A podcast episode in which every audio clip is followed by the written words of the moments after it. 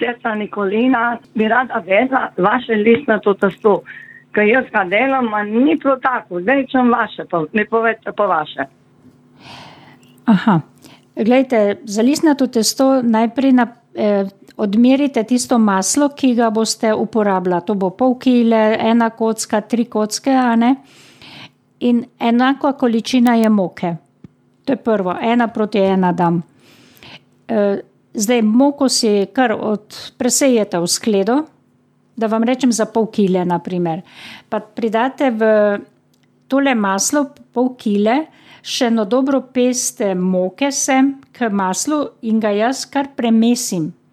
Premečkam in skupaj spravim v eno takšno bolj kvadrasto obliko v tisti posodi, sklede ali kjer boste to naredila. In vas počakam. Še eno pest moke. Eno pes moke v tole maslo dam, ja, tako, Aha, pa ga dobro. obdelam. In pol s to roko začnem pa mešati eh, testo, katero rabimo. Tu pa zdaj tista moka, ki ste jo že dali v jamici, sta dva rumenjaka, dve žlici ruma. Jaz dam tudi za eno tako slabo žličko soli in zmrzlo vodo, ki jo prilivam, zamesim testo kot za štrudel, ampak ne tako mehko dokaj krepko, ne, spet ne trdo, in ga dobro predelam, se krasno ugnete, gladko mora biti, če ga prerežete brez vsake lukence, in ga dam na delovno površino pomokano ali pa v, na desko za valjanje.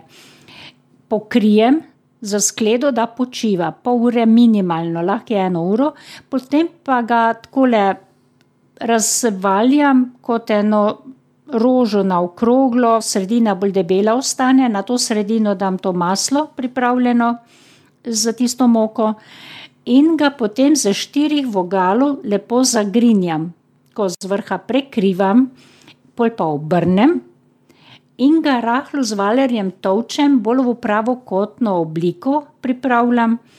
In vidite zgoraj, kako se tanjša površina testa in vidi se polno svetlobe masla skozi, samo ne sme vam prodreti, čim manj, ne pa preveč mokati.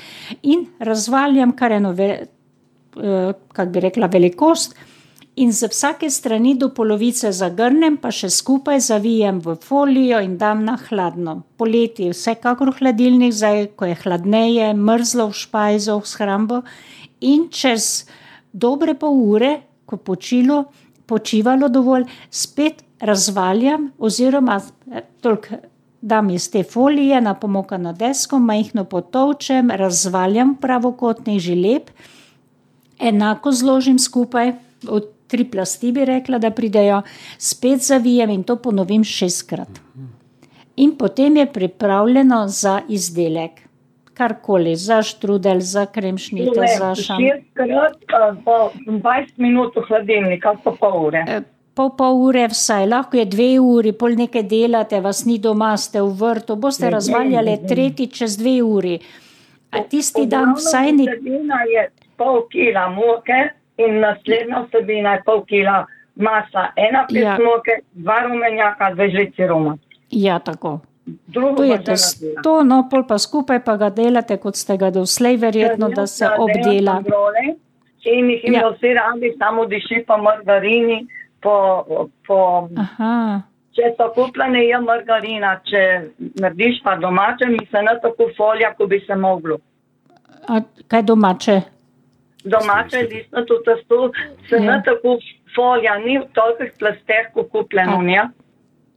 Mogoče, ne vem, drugače pa je krasno je, takoj razlika v okusu vsaj, a ne, je mehko doma. drugačen.